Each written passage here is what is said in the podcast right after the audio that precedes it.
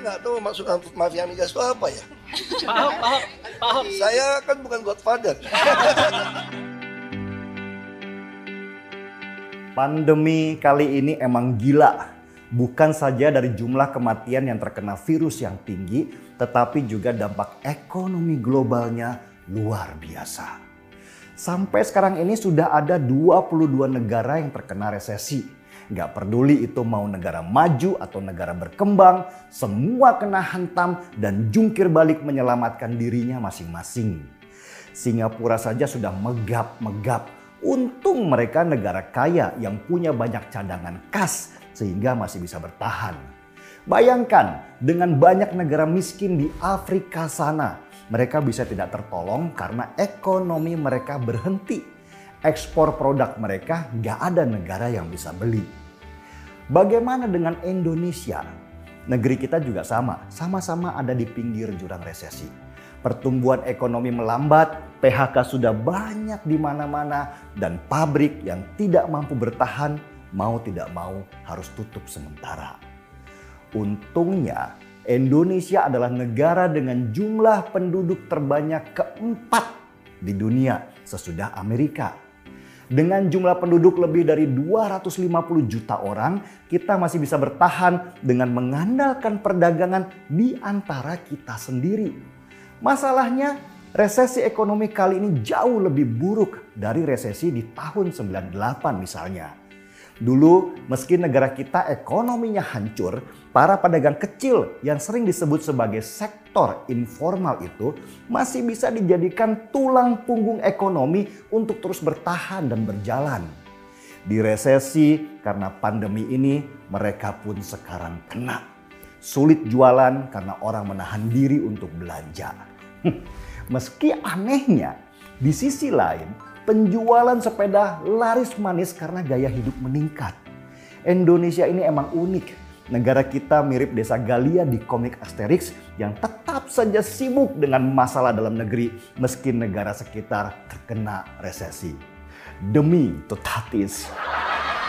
Karena itu untuk menyelamatkan ekonomi Indonesia, Jokowi kemudian mengucurkan bantuan sosial lebih dari 250 triliun rupiah ke masyarakat dalam bentuk PKH, kartu prakerja, sampai subsidi listrik. Untuk apa dana sebesar itu? Tentu supaya ekonomi dalam negeri berputar lagi. Kita bisa saling membeli dengan saudara sebangsa di dalam negeri. Dan ini sangat efektif untuk menjaga negara supaya tidak resesi. Dampak resesi ini juga menghantam banyak perusahaan multinasional mereka rugi sampai triliunan rupiah, bahkan lebih besar. Seperti Pertamina misalnya. Pertamina di semester pertama tahun 2020 ini mengabarkan kalau mereka rugi sampai 11 triliun rupiah. Banyak amat ya. Rugi Pertamina ini karena mereka mengalami apa yang disebut sebagai triple shock. Yaitu rugi karena daya masyarakat melemah, juga karena harga minyak mentah yang seharusnya jadi pendapatan ikutan anjlok dan terakhir karena selisih kurs yang besar.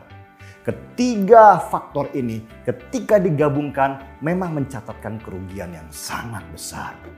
Tapi Pertamina bukan satu-satunya perusahaan yang rugi. Energy Watch menyatakan kalau banyak perusahaan migas kelas dunia yang juga rugi karena pandemi ini.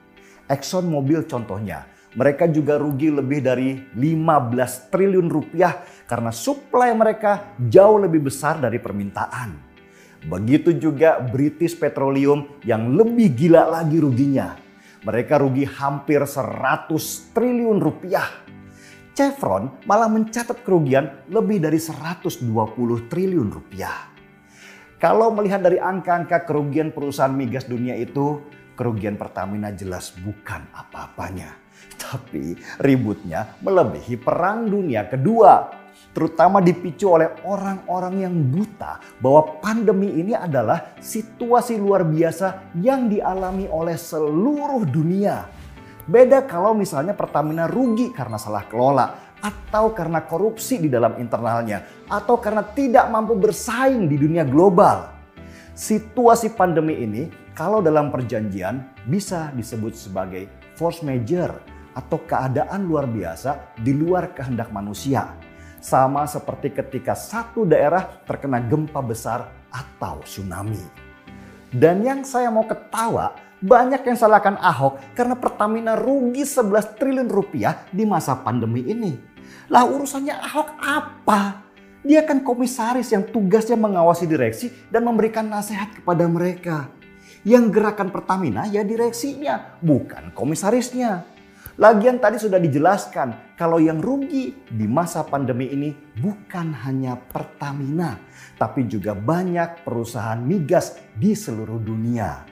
Lucu memang cara orang mencari kesalahan tanpa melihat data dan fakta dan gambar yang lebih besar. Pokoknya ada celah sedikit saja mereka akan sibuk menyerang membabi buta. Mungkin oposisi sekarang ini menganut peribahasa lama gara-gara nila setetik rusak susu sebelahnya. Markibo, mari kita bongkar semua. Saya seruput kopi dulu. Saya Denny Siregar, kita di acara